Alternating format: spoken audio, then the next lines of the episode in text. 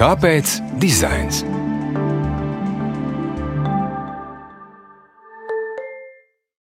Sveiki, darbie radioklausītāji! Pirms nedaudz vairāk kā gada mēs tikāmies sarunā ar inovāciju kustības Vefresh pārstāvjiem un runājām par to, kā dizaina pieeja var palīdzēt attīstīt jaunus, viedus un pilsētniekiem draudzīgus risinājumus pilsētām. Šodien mēs diskutēsim gan par to, kādas Vefresh idejas un iniciatīvas šī gada laikā ir tapušas par īstenību, gan to, kādas pārmaiņas šogad ir piedzīvojusi mūsu galvaspilsēta. Ar jums kopā ir Jelena Solovjova un raidījumā Kāpēc dizains ciemojas sociāla antropologs un Vefresh kustības vadītājs Viesturs Celmiņš.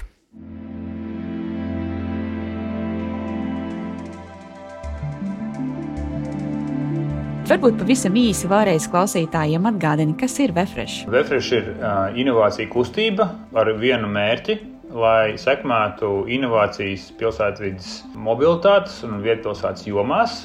Kādēļ kustība, nevis organizācija, jo mēs esam pārliecināti, ka 4G un 5G tehnoloģiju pasaulē viens uzņēmums nevar nodrošināt vietpilsētas attīstību, nedz arī mobilitātes transformāciju, jeb ko mēs saucam par digitalizāciju, viens no karotājs. Un tāpēc šī ir kustība, kurā mēs aicinām pievienoties dažādus uzņēmumus, jaunus, lielus, mazus. Vefresh tika nodibināts pirms diviem gadiem. To izdarīja lielākajā IT uzņēmuma Latvijā - Accenture, LMT, Datorijas elektronikas institūts un citi spēlētāji, kuriem mēs ikdienā strādājam, lai inovācijas sekmētu un atbalstītu. Pēdējos divus gadus mēs esam aktīvi uzsākuši darbu arī ar Rīgas domu, un šī gada maijā tāds liels sasniegums vismaz no tādas vietpilsētas teritorijā un jomā bija tas, ka pilsēta paziņoja, ka viņi izveidoja trīs pilotu teritorijas. Tiem, kas interesējās par produktu attīstību, pakalpojumu attīstību, saprot, ka neviena lieta nav gatava uzreiz, viņas ir jāpilnveido. Tāpēc šīs pilotu teritorijas bija instruments, ar kur starpniecību pilnveidot un attīstīt um, produktus un pakalpojumus vietpilsētas jomā.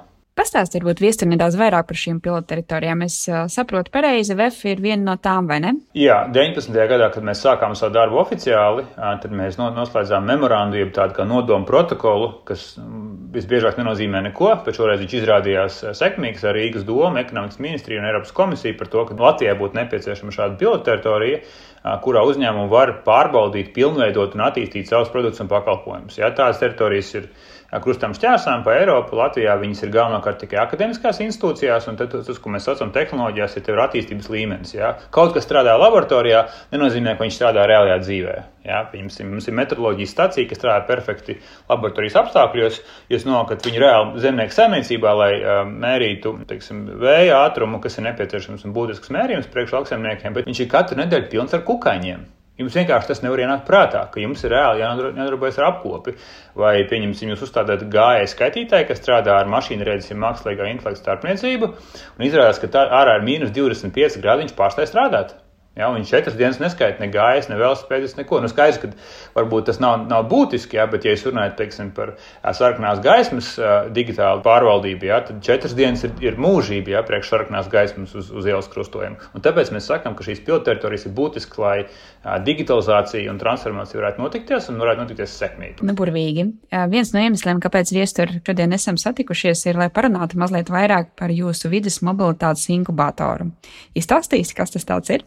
Mēs um, pagājušajā gada uh, izskaņā pieteicāmies Eiropas uh, Innovāciju un Tehnoloģiju institūta grantam, lai realizētu Rīgā pirmo mobilitātes inkubatoru. Kāpēc tas ir būtiski? Tāpēc, ka mums Rīgā un Latvijā nav nevienas inkubators, kas nodarbotos ar šādām idejām. Jā. No vienas puses, no otras puses, mēs redzam, ka cilvēki ar katru dienu kļūst ar vien īgnāki. Jā, tās prasības aug uh, ātri. Kā tad mums būtu jāpārvietojas? Izkāpt no autobusa, gribētos, ka brokai būtu kāds ērts pārvietošanās līdzeklis. Kāpēc mums ir tādas vietas, kāpēc mums nav velo no jums un tā tālāk un tā tālāk.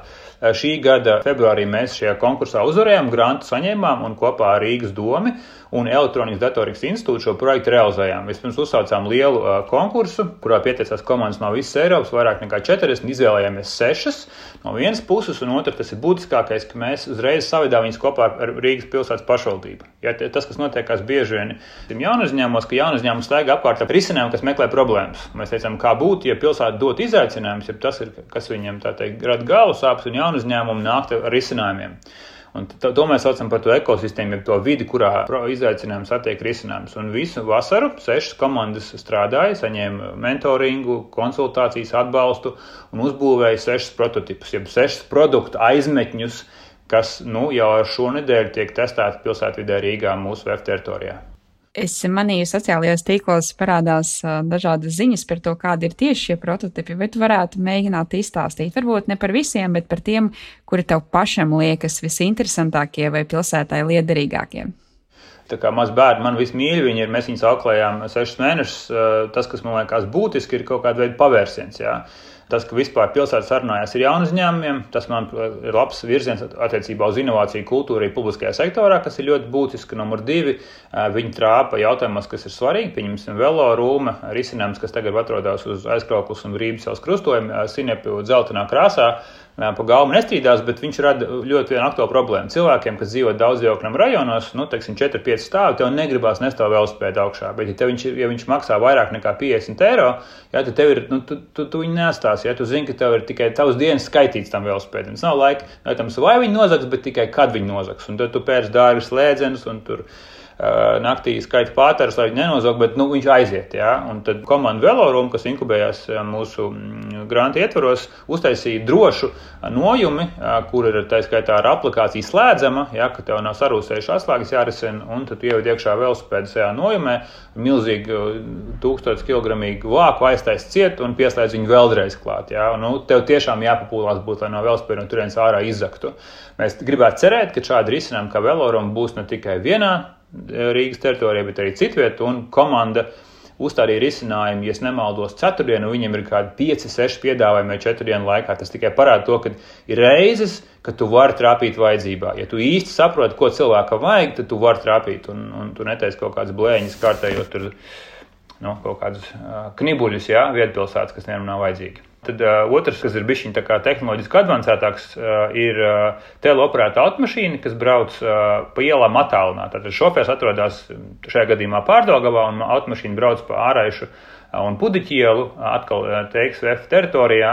Kāpēc tas ir būtiski? Tāpēc, ka mēs ceram, ka šis iedibinās to jauno pasauli, kurā mēs zinām, ka desmit gadu laikā automašīnas būs un pārvietosies autonomi vai teleoperēti, un mēs gribētu sag lēnām sagatavot augsni gan publiskā sektorā, gan sabiedrībā, ka tā ir, teiksim, ērta droša un, un pārbaudīta realitāte. Ja? Un šis, šī ir pirmā reize Latvijā, kad automašīna tiek testēta ārpus biķenieku trases, kas ir svarīgi un vērtīgi. Bet šajā gadījumā tā bija reāla iela. Tur gāja garām cilvēki, tur bija lietas, tur bija pēdas, tur brauca citas mašīnas pretī. Un mums bija svarīgi to izdarīt, nodemonstrēt, ka tas ir pilnīgi droši, ka tas nevienam neapdraud. Un, protams, arī iedzīvotājiem pastāstīt, kāpēc tas ir. Jo visiem tur bažas un bailes, kāpēc tur tā teikt nobrauks viņu suņus vai viņu mīluļus roboti jā, uz ielām. Nu, tik traki nav. Jā. Īstenībā viss ir droši. Un mēs tikpat uztraucamies par visu procesu drošību vai riskiem, kā arī viņi. Lasot šīs pēdējā laika ziņas uh, par aktualitātēm VF teritorijā, tiešām šķiet, ka šī teritorija ir kļuvusi par tādu dinamisku, dažādu inovāciju krustošanās vietu. Saki, ka vai ir plānots, un uh, ja jā, tad kad ir plānots mērogot šīs iniciatīvas citu vietu Rīgā vai Latvijā, vai varbūt ārpus Latvijas? Jā, un tie, kas interesējās par tehnoloģiem kopumā, zina, ka tas ir tūkstnesis Jā, no, no 17, 18 startiem 17 nomirst. Jā, nu, tā, tā, tā statistika ir vienkārši šaušalīga. Vai šīs komandas izdzīvos reālās dzīves apstākļos, mēs redzēsim.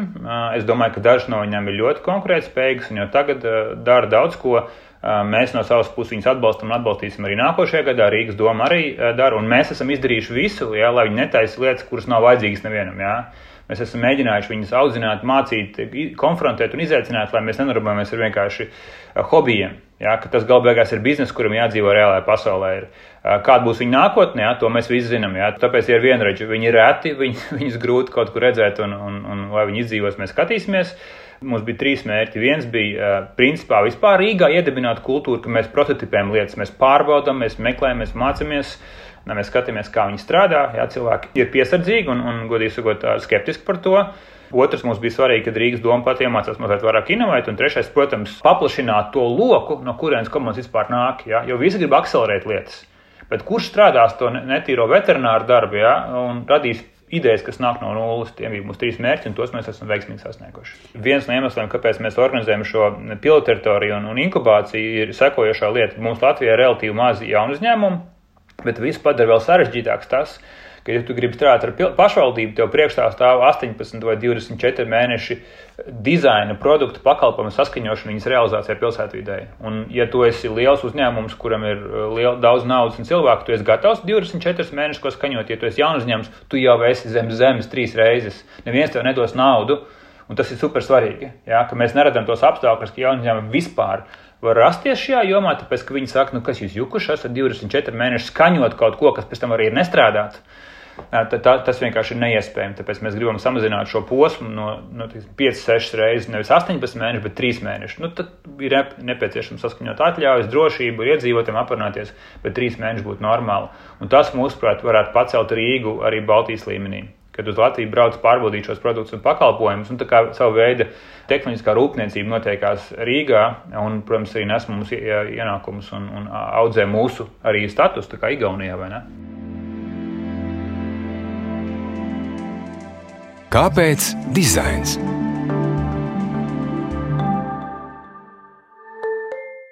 Tagad man labojies, ja es atceros nepareizi, bet tu pieminēji šķiet, ka Vefresh ir dibināts 2019. gadā, vai ne? Jā, oficiāli mēs esam 19. gadā dibināti, mēs strādājam no 17. gada jau gan faktiski. Nu, lūk, tad, tad vairāk gadi jau ir uz muguras, un daudzas labas lietas ir izdarītas, bet vai tu vari padalīties, ieskicēt, kādi plāni ir nākamajam gadam, un jā, kopumā kaut kas par nākotnes sapņiem, ko plānojat vēl realizēt? Jā, nu mūsu galvenais mērķis ir, ir tas, ko mēs sakam, un tā ir viena lieta, kas, nu, kāpēc mēs rīt, no rītiem ceļamies un daram, ir samazināt šo laiku laiku no, no idejas līdz realizācijai. Tas mēs anglicēts vārds time to market, jeb laika līdz tirgumu. Ja? Kamēr tu nonāc reāli apritē un vari kaut ko pārdot, tev nepieciešams šis sagatavošanas process. Un, ja tu vari pārtiks produktus vienkārši laboratorijā testēt un ar lietotājiem, ja, tad, ja, ja kaut kāds risinājums tev ir transportam, tas jādara pilsētā. Kamēr tu neesi to pārtestējis un izvērtējis, neviens nepirks no tevis nekādu skūteru, nekādu velo novietni, nekādu automašīnu, kas vada pati sev. Tas ir, varam par to aizmirst.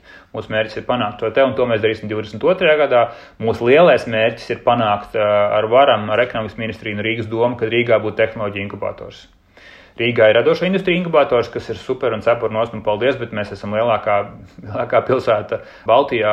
Mums nav veids, kā mēs digitalizējam savus eh, tehnoloģiskos pakalpojumus. Mums tas liekas kliedzoši, noteikti vairāk.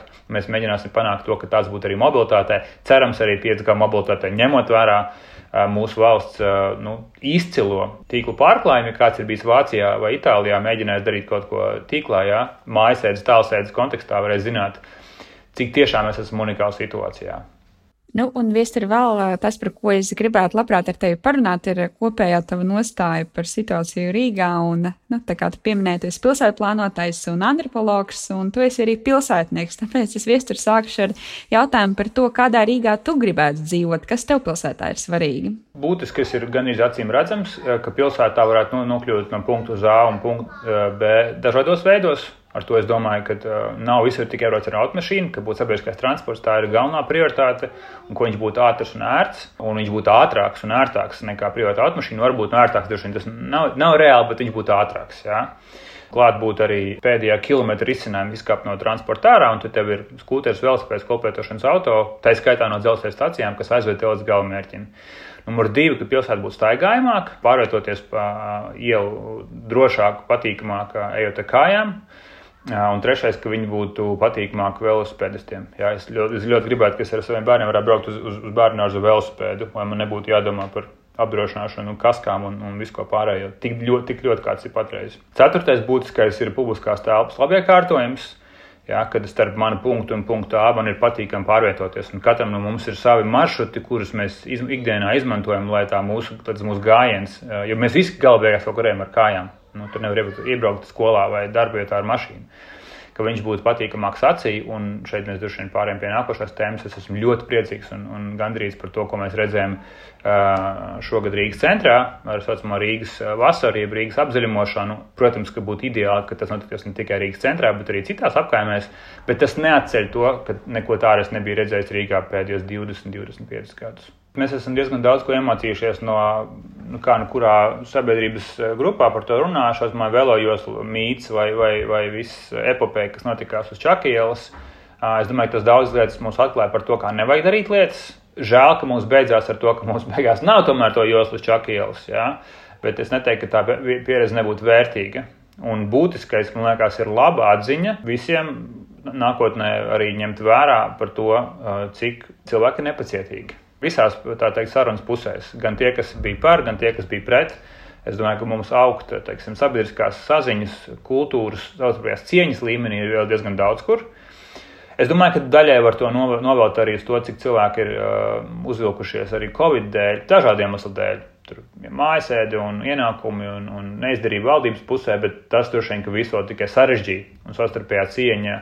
Man ir grūti iedomāties, kā mēs celsim labklājības līmeni Latvijā, ja mums būs sabiedriskais, no nu, savstarpējās cieņas līmenis ir nu, tik zems. Vienās vai cilvēki, kuri spēj kaut ko realizēt publiski interešu vārdā, vienkārši izvēlas to nedarīt, tāpēc, ka viņam pretī nāk nu, tāds apjoms ar, ar, ar naidu un, un, un vienkārši absolūti nepamatot, nekvalificētu, neadekvātu. Nu, vienās, tie, kas nonāk publiskās pozīcijās, beigās dara to citu iemeslu dēļ, nevis publiskā labuma dēļ. Tāpēc, ka kurš ir gatavs, lai tev pilnīgi visu laiku uzskata un sauc par idiotu, es domāju, ka tas būs liels izaicinājums. Tā, tas ir maz sakars ar korupciju, valsts izzakšanu, bet ar elementārām lietām, kas ir savstarpējā cieņa. Tas, man liekas, ir liela, liela mācība mums visiem, kā mēs domājam, mēs būvēsim šo pilsētu vai valstu kopā, ja mums ir tik maz pacietības un, un, un cieņas vienam par otru. Es domāju, ka tas ir daudz, par ko mums visiem vajadzētu padomāt. Pieminēja, ka nav līdz galam process bijis veiksmīgs vai pareizs. Varbūt vari padalīties, kas tavuprāt būtu bijis jādara citādāk. Fundamentāla lieta, kas ir dizainā pašsaprotama, ir tas, ka tev ir jārunā ar lietotāju, tu jārunā ar klientu vai šajā gadījumā ar iedzīvotājiem. Liel, liels atsitiens bija tas, ka pašvaldību un iesaistītās puses nerunāja pietiekoši skaidri ar, ar iedzīvotājiem, saulaicīgi un ilgi un detāli un skrupulozi. Otrs izvērtēt potenciālus riskus, ko mēs saucam par dizainā, par tādu kā problēmu spēju. Ja? Tas ir tavs uzdevums kā produktu vai pakalpojumu radītājiem ļoti ilgi rūpīgi domāt par to, kas ir tie riski, kas var tev, runājot pēdiņās, tavu vilcienu notvērt no sliedēm. Tas viens ir iedzīvotāja attieksme, otrs ir mēdī, trešais ir pats funkcionāls risinājums. Rīgas domē un arī vispār citās publiskās institūcijās tikpat rūpīgi gaidāmā pie funkcionāliem risinājumiem kā pie komunikācijas. Tad, mēs nonākam līdz autotransporta pārvietošanās jautājumiem, līdz stāvvietām, nu, es ceru, ka visi sapratuši, ka nevajadzētu iekāpt vēlreiz tajā situācijā. Pilnībā piekrītu, un viens, ko tu saki par komunikāciju, un otrs, es laikam vēl izceltu izglītošanas jautājumu. Nu, manā skatījumā iet roku rokā ar to, ka cilvēki varbūt nav izglītoti konkrētajos jautājumos, kas ir pilnīgi normāli. Viņiem nav jābūt pilsētplānotājiem vai ne. Kādā mērā redzu paralēlus arī ar uh, dizainu kā tādu, jo ar kolēģiem dizaineriem runājot, tā ir arī mūsu dizaineru atbildība skaidrot par to, to, ko mēs darām un kāpēc. Un šī saistībā es gribētu tev viestur pajautāt, vai tavuprāt pilsētplānotāji pietiekami sarunājas ar pilsētas iedzīvotājiem? Es domāju, ka viņi sarunājās vairāk nekā viņi sarunājās pirms pieciem gadiem. Bet, ja mēs raugamies kaut vai katrs uz sevis spogulī, ja mēs mainamies, mēs mainamies relatīvi lēni. Priecājos, ka mums ir stipras nevalstiskās organizācijas, kas par šiem jautājumiem runā. Arī viņām izteiksmes veids ir jāpiemeklē vēl. Pašvaldība arī aktīvāk sāk domāt par šo jautājumu. Vienāds, mēs saprotam, ka mēs nekur netiksim uz priekšu, ja mēs darīsim to ar viltu, vai ar spēku, vai vienkārši nu, tā kā te jau redzēs. Neviens no šiem trim variantiem nesanāks un nestrādās. Jā, mēs tikai polarizējam uh, situāciju, un cilvēki ir ļaunatminīgi diezgan. Sociālajiem tīkliem ir numur viens loma sabiedrisko procesu norisē. Jā, tu vari panākt sociālos tīklos pārmaiņas. Tā ir jauna realitāte, un līdzīgi kā tu saki par izglītību, es domāju, ka mēs ne visi esam sapratuši, ka sociālās pārmaiņas notiekās ar spiedienu sociālos tīklos. Ja tu esi pilsētas plānotājs un tev nav ļoti skaidrs veids, kā tu par šiem jautājumiem komunicē ar sabiedrību, tad jautājums, vai tu esi īstajā vietā. It sevišķi, ja tu esi publiskā sektorā. Tu varbūt ar savu, ar savu cirkuli zīmēt kaut kādus plānus, bet jābūt kādam, kas spēj to aizvest tālāk, vienkārši un skaidri saprotam. Par nākotni. Kādu tu gribētu redzēt Rīgu pēc desmit gadiem, un kas mums ir jāizdara, lai mēs tur nonāktu? Jā, un dzīvojot Latvijā, es domāju, ka tas ir tavs pienākums būt optimistam, ņemot vērā, cik daudz apkārt pesimistu ir atšķirības starp kritiku un, un kriticismu. Jā, vienmēr vajag būt ar kritisko domāšanu, un bez tā neviens produkts nekad nav izaudzis. Jā, lūk, kur mēs esam, kā mums iet uz priekšu, mums no kļūdām ir jāmācās. Tāpēc es esmu bijis vienmēr Rīgas Latvijas patriots un arī plānošanā esmu tāds, bet es, es arī neesmu naivs. Līdzīgi kā, ja tev virtuvē stāv komposts zem izlietnes, nenozīmē, ka lielajām valstīm nevajadzētu samazināt teiksim, CO2 izmešas. Ja? Mums katram jāzina savu lietu un nebūsim naivi par to, ka mēs varam mainīt pilsētu ar to, ka mēs pa naktīm krāsojam velojoslas. Tā tas nestrādā. Pilsēta ir sistēmisks instruments. Jā? Mēs esam salikuši daudzas lietas vienopus, un tāpēc viņi strādā. Tāpēc mēs varam dzīvot arī laukos. Ja mēs gribam, lai Rīga būtu tehnoloģiski attīstīta un līdz ar to pelnošāka un pārtikušāka pilsēta un valsts, tad mums būs jāiekārto vide, kurā šādi cilvēki grib strādāt mūsu draugi, bērni, radinieki un tā tālāk. Vai cilvēki, kas dzīvo ārvalstīs un gribētu braukt atpakaļ uz Rīgu. Tas ir pilsētu plānošana ir tīri ekonomisks jautājums. Pilsētas, kas ir dzīvojamas, staigājamas, ērtas, drošas un zaļas, pelna vairāk. Ja mēs vēlamies, lai mēs būtu pelnoša, pārtikusi Ziemeļa Eiropas, mazāk Austrum Eiropas valsts, tas ir absolūti mūsu pašu rokās. Ja to nedarīs Eiropas Savienība, to nedarīs NATO. Ne, ne arī kāds no šiem ministriem. Tā nu gan ir pilnīgi alošanās. Mums ir iespējas šo lietu mainīt, prasot no mūsu publiskā sektora atbildību par publisko īpašumu. Ielas, trotuāri, ēkas. Tas nav mans lēmums, tas ir mūsu kopējs lēmums.